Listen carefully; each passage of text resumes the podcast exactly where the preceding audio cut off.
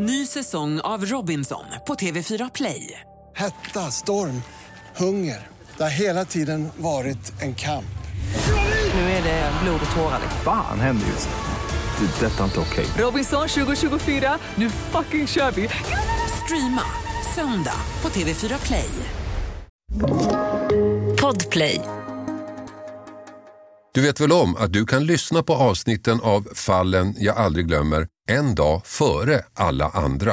Redan på torsdagar kan du lyssna på podden på podplay.se eller i appen Podplay.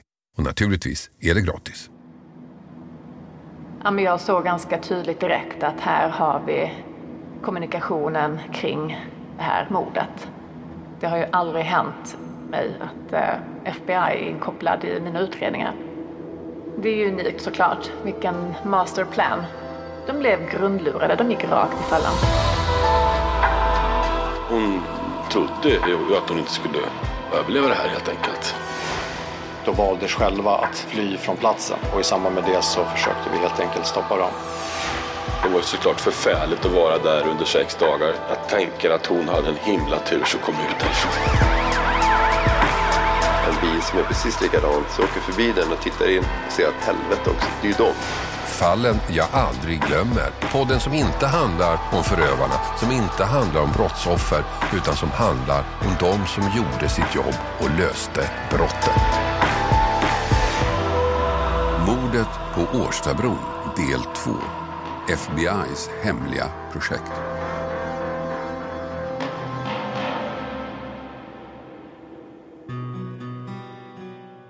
Välkomna till andra delen av mordet på Årstabron.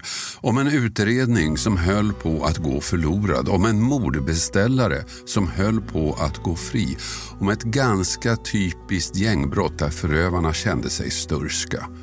Men det är då allt vänder.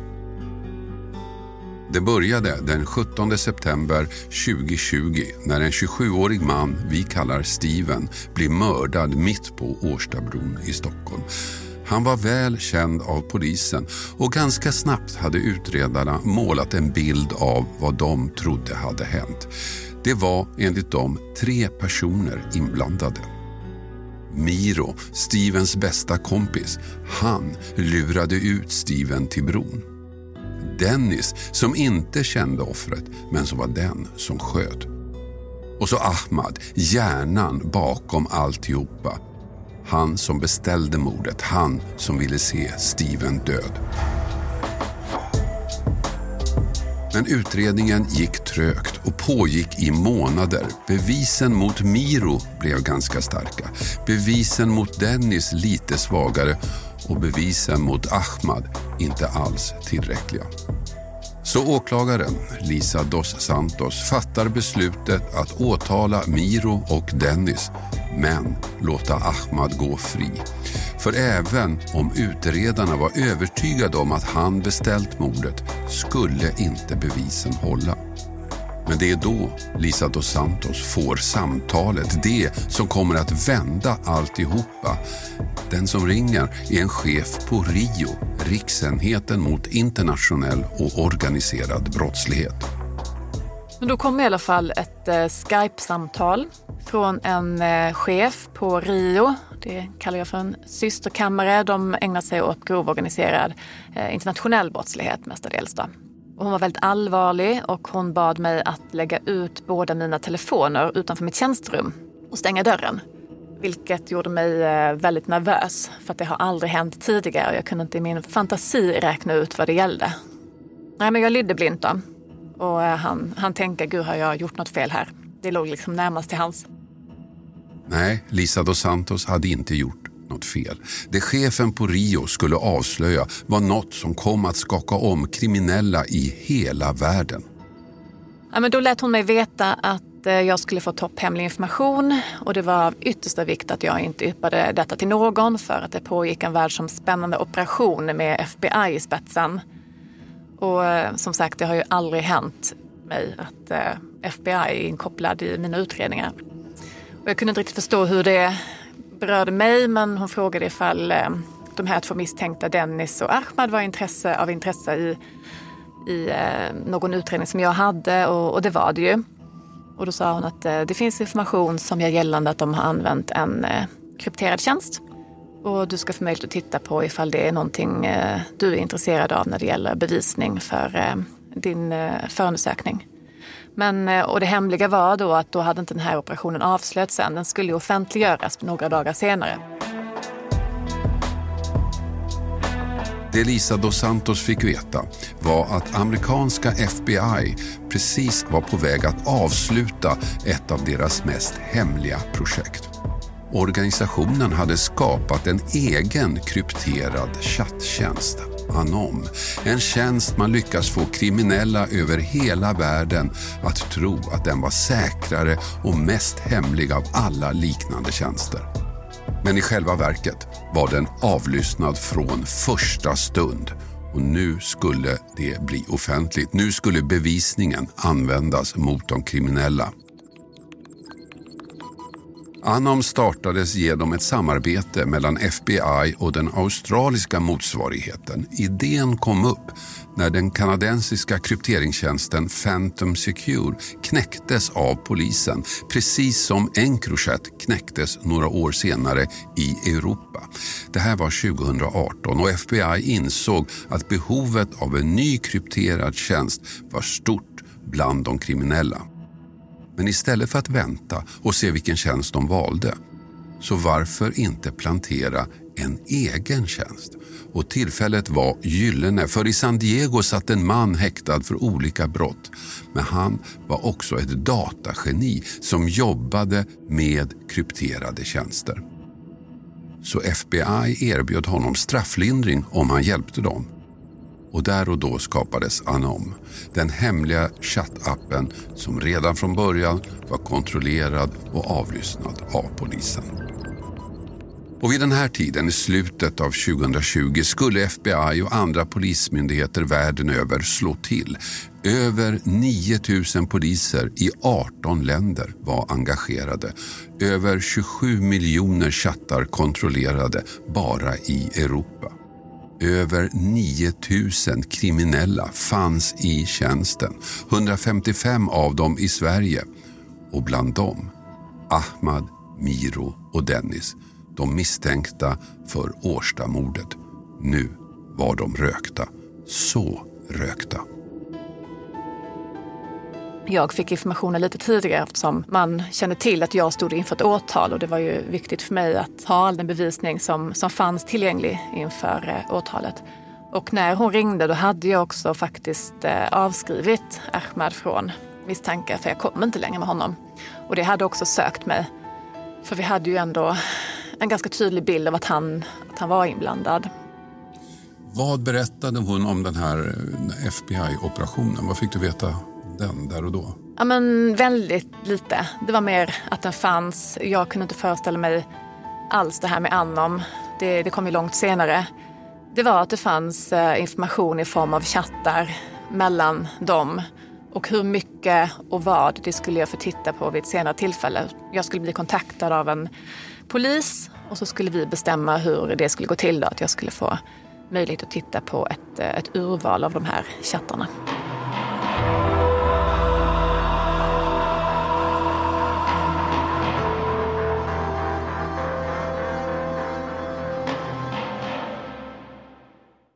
Ny säsong av Robinson på TV4 Play. Hetta, storm, hunger. Det har hela tiden varit en kamp. Nu är det blod och tårar. Fan händer just det. Det är detta inte okej. Robinson 2024, nu fucking kör vi! Streama söndag på TV4 Play. Ett poddtips från Podplay. I podden Något Kaiko garanterar östgötarna Brutti och jag, Davva, dig en stor dos skratt. Där följer jag pladask för köttätandet igen. Man är lite som en jävla vampyr. Man har fått lite blodsmak och då måste man ha mer. Udda spaningar, fängslande anekdoter och en och annan arg rant. Jag måste ha mitt kaffe på morgonen för annars är jag ingen trevlig människa. Då är du ingen trevlig människa, punkt. Något Kaiko, hör du på Podplay. Därför är gardinerna. Materialet kom i omgångar och det var väldigt tydligt. Det var precis vad Dos Santos behövde. Nu skjuts rättegången upp för att få tid att gå igenom och analysera chattarna. Ja, men eh, man ska komma ihåg att det, det räcker inte bara chattarna utan sen ska man kunna knyta den som chattar till en person. Så att eh, de chattarna jag fick titta på hade visst innehåll också som gjorde gällande att det var de här två också som faktiskt chattade. Eh, det fanns en viss personlig information som man kunde knyta till dem. Men det här var bara ett urval, det var ju inte allt. Jag visste inte heller hur mycket mer det fanns. Jag fick kanske 20 sidor eller något liknande. Men eh, jag studsade ju på att de hade alias, man kan döpa sig själv i de här chattarna. Och Ahmad kallade sig för A-Killers och eh, eh Dennis kallade sig för Ruthless. Vilket jag ändå kände var ett uttryck för en viss eh, eh ja, brottspotenta jag helt enkelt. Hur lyckades ni verifiera dem då, eh, de här namnen med de här personerna? Nej, men det är ju ett analytiskt arbete, att man eh, sitter på och försöker hitta uppgifter som man kan på något vis kontrollera. Som exempel så hade Dennis skickat sitt swishnummer. Så det, det var ju ganska enkelt att eh, kontrollera.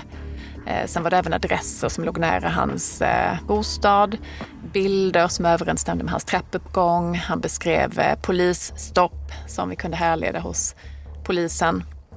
Den typen av eh, information. Och Ahmad, hur fick ni? Han var, han var lite faktiskt mer eh, noggrann med att inte skriva lika mycket om sig själv som den här Dennis gjorde. Eh, Dennis namn nämns till exempel, det gör ju inte Ahmad, däremot hans begynnelsebokstav. Han, han skickade något foto i alla fall på katter och en kattställning, något man hade kunnat jämföra med en husrannsakan som gjordes hos honom. Det var ju en del platser man tyckte liksom man kunde knyta till honom som nämns. Någon skjutning som han skriver om nära sin familjs bostad och den kunde vi verifiera. Den typen av eh, uppgifter. Och så får man helt enkelt bygga ett dokument och försöka samla ihop så mycket uppgifter som möjligt för att kunna utesluta att det är någon annan som har chattat. Och i den här chatten hade planerna på att mörda Steven diskuterats helt öppet. Ja, men jag såg ganska tydligt direkt att här har vi kommunikationen kring det här mordet. Eh, de hade chattat i det som då hette Anom. Jag fick utskrivet eh, ja, men som pratbubblor då efter varandra och det var intensivt. Och det handlade bara om mordet. Att eh, den här Steven skulle lockas ut, eh, hunt him down liksom och eh, det skulle ske nu. Det var bråttom, eh, han måste dö. Det var mycket snack om vapen. Och allt var öppet? Helt öppet, eh, ingen ambivalens. Det var liksom rakt och eh, väldigt uttrycksfullt. Lockfågeln Miro, utföraren Dennis och beställaren Ahmad. Alla tre fanns i chatten. Alla tre trodde att det var fritt fram att skriva klarspråk. Men i själva verket blev de lurade av amerikanska FBI. Det är ju unikt såklart. Vilken masterplan. Att FBI själva styr den kommunikationen och det blev lite ironiskt för att man, man läste när precis Dennis har fått sin första lur. Och då skriver man här, här man kan skriva öppet. De, de ansåg att de chattade i den liksom mest säkra krypterade tjänsten som fanns. Och i själva verket så sitter man och chattar i FBI's tjänst. Mm. De blev helt enkelt lurade. De blev grundlurade, de gick rakt i fällan. Och den som förlorade mest på FBI-bluffen var Ahmad. Han som såg ut att gå fri. Han som inte skulle åtalas. Då hade jag ju plötsligt nya omständigheter vilket möjliggjorde att jag kunde återuppta misstanke mot honom. Och sen fortsatte ju förundersökningen ett ganska bra tag till för att det är ju 30 000 mer eh, chattar som ska analyseras. Så det var väl ett halvår till tror jag som vi eh, höll på innan jag kunde väcka åtalet och då väckte åtalet då mot, mot alla tre. I november 2021, mer än ett år efter mordet, börjar rättegången i Södertörns tingsrätt i Flemingsberg i Huddinge. Och det blir en stökig rättegång redan från dag ett. Det var ju eh, bitvis som en actionfilm, särskilt eh, första dagen. Då blir ju eh, förhandlingen avbruten. Det knackar en polis på dörren och kallar ut mig och målsägandebiträdet. Och då eh, finns det tydligen ett överhängande hot mot en av eh, Stevens anhöriga som eh, tydligen var på väg till rättegången. Och Ahmads eh, nätverkskompisar eh, eller kriminella gruppering, i alla fall enligt polisen att de är det, var på plats. Och eh, någon, jag tror att det var en polis eller en polisstudent som hade snappat upp att det planerades ett attentat mot den här personen som var på väg att besöka rättegången. Så målsägandebiträdet fick i uppgift att försöka få tag på honom, varna honom att inte komma dit. Och sen gjordes det ju massgripanden utanför eh, domstolen. Polisen griper alltså åtta personer misstanke förberedelse till mord alldeles utanför domstolen. Mitt där liksom en rättsprocess ska pågå. Så när jag och min eh, kollega som hjälper mig, vi hjälps åt i den här förundersökningen och rättegången när vi går och handlar lunch och går över den här viadukten till stationshuset i Flemingsberg så står det ju polisbilar i zigzag under oss på parkeringen. Det, det springer folk in i stationshuset och Fredrik Sjöshult på Expressen står och livesänder med sin telefon. Det hör ju inte till vanligheterna. Och jag kände också att det här, det här är ju inte bra. Det är inte så här våra rättegångar ska gå till. Jag har väldigt stor förståelse för att man som vanlig människa känner en oro för att komma och vittna i den här typen av mål. Och hur tänker man när det blir liksom feta rubriker på att eh, det grips åtta personer utanför domstolen i samband med en rättegång? Förhandlingarna fortsätter dag två och trots bevisen från FBI's Anom Chat nekar alla tre, Ahmad, Dennis och Miro, till att ha varit inblandade i mordet på Steven. Alla har sina förklaringar till att de finns på chatten. Ahmads invändning var ju att han, det var inte han som hade chattat. Det var någon annan och inte han. Eh, Dennis var ju ehm, satt ju lite värre till där med chattarna. Man hade även hittat en telefon. Den här telefonen i hans eh, byrålåda, det visade sig sen vara eh, den första anomluren han hade använt. Så um, han sa att han hade ju använt den delvis men bara när det handlade om andra saker. Om det var någonting som handlade om själva mordet, då var det någon annan som han inte ville namnge. Han hade inte varit med ut på bron. Och Miro för sin del, han, eh, han vidgick att det var han som hade bestämt träff eh, precis med den här tjafslingan med Steven. Och att han hade mött upp honom och gått med honom över bron. Men att han hade varit med en icke namngiven person som han kände. Som hade fått ett liksom, spontanbråk på bron med Steven. Ahmad förnekar alltså helt och hållet att han använt chatten. Och han inte bara nekar, han pekar också ut en annan potentiell användare av telefonen som hittats hos honom, nämligen hans egen bror. Och det kom dag tre i förhandlingen. Alltså i andra mål som inte är gängmål, då har vi ganska klart för oss vad invändningarna är. Men i den här typen av mål så får vi det under sittande förhandling. Jag skulle säga att det är nästan som att förundersökning fortfarande pågår.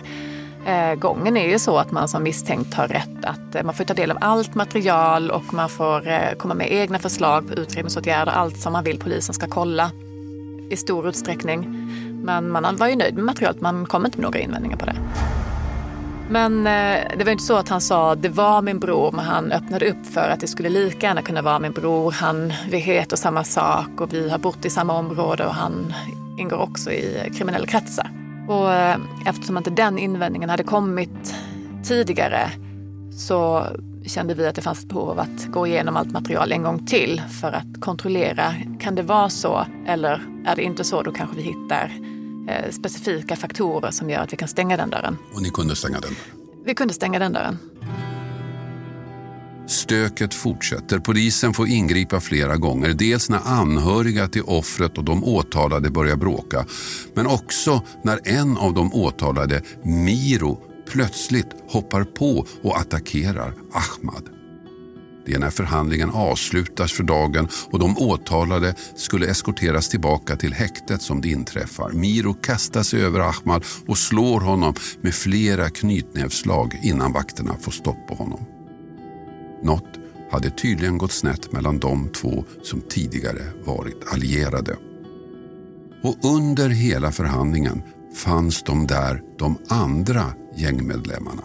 Vilket präglade stämningen förstås.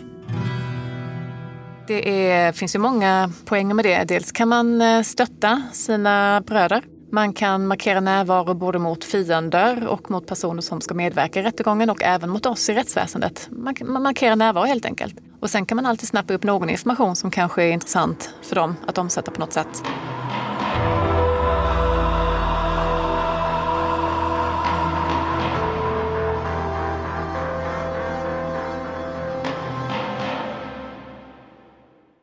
Ny säsong av Robinson på TV4 Play. Hetta, storm, hunger. Det har hela tiden varit en kamp.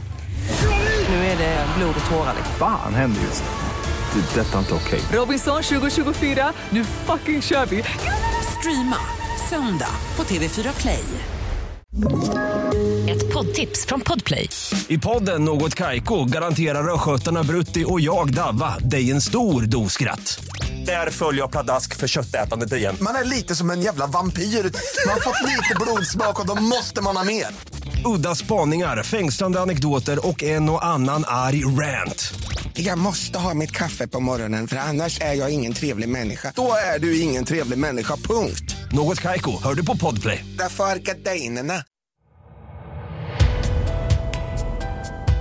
I mellandagarna 2020 så avslutades till sist förhandlingarna i tingsrätten.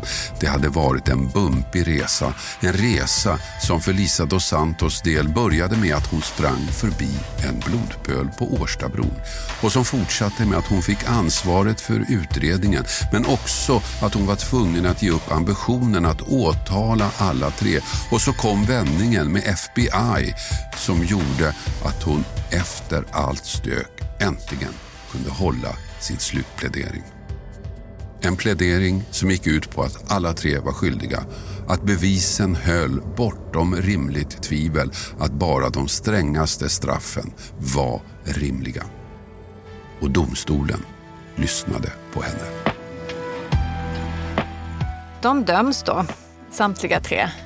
Ahmad för anstiftan till mord och de andra två för mord tillsammans och i samförstånd.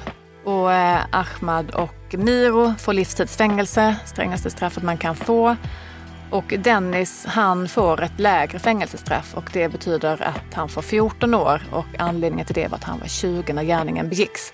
Det här har man nu ändrat så att har man strykt den här rabatten i grova brott om man är mellan 18 och 21. Men han klarade sig för det här var 2020. Men 14 var ändå rätt eh, Ja. kraftigt Ja, straff då. ja, det är det.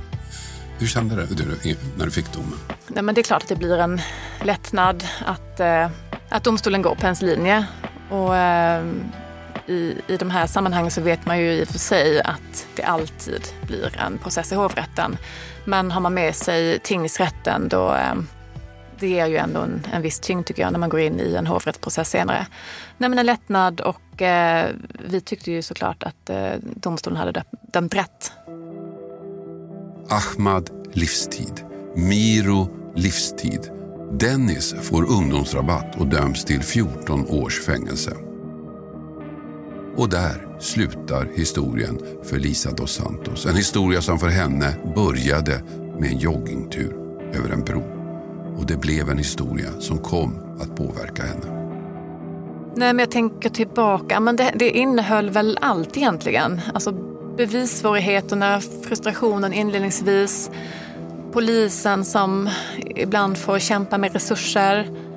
Eh, att man har de här olika beståndsdelarna om man ser till gängen, att man har en beställare, alltså gängledaren, en person som är kompis med offret blir liksom hårdvaluta. Det är ju väldigt iskallt och hårt och en mer eller mindre torped som åtar sig att göra det här uppdraget utan att han själv har någon vendetta mot honom. Så att, och sen den här stökiga rättegången. Så jag tycker ändå att eh, utredningen och eh, målet är väl ganska signifikant för hur, hur hårt det, det är där ute. Historien om mordet på Årstabron handlar inte bara om ett brott. Det handlar också om hur vårt samhälle förändras, hur gängkriminaliteten tar över allt mer. Hur en typ av brott som var okända för tio år sedan är vardagsmat idag. Det brott som var det vanligaste i 90-talets efterlystsändningar var rån, många värdetransportrån. Idag är det gängskjutningarna och sprängningarna. Något som också präglar Lisa dos Santos jobb. Det kan ju finnas någon tid, tillfället där man inte har just en gängskjutning. Men jag skulle ändå säga att när jag fick den här skjutningen då hade jag jobbat oavbrutet med gängrelaterad brottslighet sedan eh, 2018. Och så ser det ut för alla oss som sitter på, på grova brott, att man nästan konstant har en sån förundersökning, om inte flera. För Lisa dos Santos blev mordet på Årstabron det som fick henne att gå vidare, att skriva boken hon planerat länge. En bok som har sin utgångspunkt från det här fallet men som också handlar om den värld vi alla hört talas om och som några också drabbas av. Gängkulturen. Fallet tas ju upp i boken som en röd tråd just av det skälen jag nyss nämnde. Att eh, det har alla de här innehållsdelarna och som inga kommentarer och sen pratar man i rätten och det är stökigt i rättegången. Att det, det beskriver ganska väl hur eh, gängvåldet filtreras in i vårt rättssystem och hur, vilka utmaningar som finns. Men sen har jag jobbat i så många år och sett den här utvecklingen från att inte ha haft en gängbrottslighet som har varit synlig på det här sättet till att vi arbetar med det som vi gör idag. Och vad det drar med sig i fråga om gangsteradvokater, nya strategier med inga kommentarer. Ja, så att, eh, ja, musiken, du vet själv hur samhället eh, förändras när vi har den här typen av, eh, av brottslighet. Så jag samlade på mig massa pusselbitar och tyckte det var viktigt att skriva detta som en, som en samhällsskildring, som en ögonöppnare. Alla kanske inte kan hänga med i den här kontexten när man tar till sig problematiken genom snabba nyhetsklick eller eh, svåra debatter med politiker utan att ge folk en, en inblick från insidan. Så här ser det ut. Ja, för det, det, får man faktiskt, tycker jag, när man läser den här boken. Den utgår ju från det här fallet, man följer fallet. Men den handlar egentligen inte om det här fallet. Den handlar ju om gängkriminaliteten och mm. hur den ser ut. Ja. Och för alla som inte har förstått hur stort det här är så, så blir man lite rädd när man läser boken. Mm, nej men, eh, och det, det ska man bli. Och sen vill jag väl också ge inte bara insida perspektivet för att man ska förstå hur man jobbar med detta, men också en viss förståelse för att det är människor som jobbar med detta. Alltså vi är absolut representanter för, för staten, men vi, vi är vanliga människor som, som har det här som arbetsuppgift. Hennes bok heter Älskade bror och jag kan verkligen rekommendera den. Den ger en skrämmande bild av utvecklingen i Sverige. I boken behandlar hon många problem. Ett är advokaterna, de så kallade gangsteradvokaterna. Lisa dos Santos var tidigt ute med att debattera den här nya tidens advokater. De som i själva verket tycks vara en del av de nätverk som de ska försvara och egentligen ska förhålla sig neutrala till. Vi har ju sett att det har kommit in eh, oprofessionella aktörer på den sidan och det är i takt med att gängvåldet eller gängbrottsligheten har blivit ett större problem. Det finns jättemycket pengar att tjäna i de här målen och när eh, behörighetskraven inte är så stora som jag tycker att de borde vara, då öppnar det upp för lyckosökare och personer som kan operera i gråzonen. Gängmedlemmar är lukrativa kunder helt enkelt. Man, man gör mycket pengar på dem. Och eh, tyvärr har det också konkurrerat ut många väldigt professionella och eh, duktiga advokater. När det kommer in yngre, oftast eh, killar, som knyter de här gängen till sig. Och man kan ju ställa sig frågan om man själv skulle någon gång, det tror jag inte kommer hända, men bli misstänkt för ett brott. Vem vill man ha? Den som har jobbat som advokat i, i massa, massa år och som är erkänt skicklig på många plan. Eller vill jag ha en ung kille som är liksom 29 år och är nybakad advokat? Varför vill jag ha det? Kanske för att han då kan göra saker som en professionell advokat inte gör. Då, när Lisa dos Santos skrev sin debattartikel möttes hon av hård kritik. Inte minst från andra advokater och deras organisation Advokatsamfundet. Men sedan dess har flera advokater dömts till fängelse för att de hjälpt sina klienter utföra brott. Andra advokater har avslöjats med att salta räkningar och straffats för det. Så verkligheten gav henne rätt. Och nu har också Advokatsamfundet meddelat att man ska se över sina regler. Det har gått tre år sedan mordet på Årstabron. Tre år sedan amerikanska FBI lurade den undre världen. Så frågan är, har det blivit bättre? Nej, tyvärr inte. Tvärtom faktiskt. Gängkriminaliteten har aldrig varit värre än nu så Lisa dos Santos lär ha fullt upp lång tid framåt.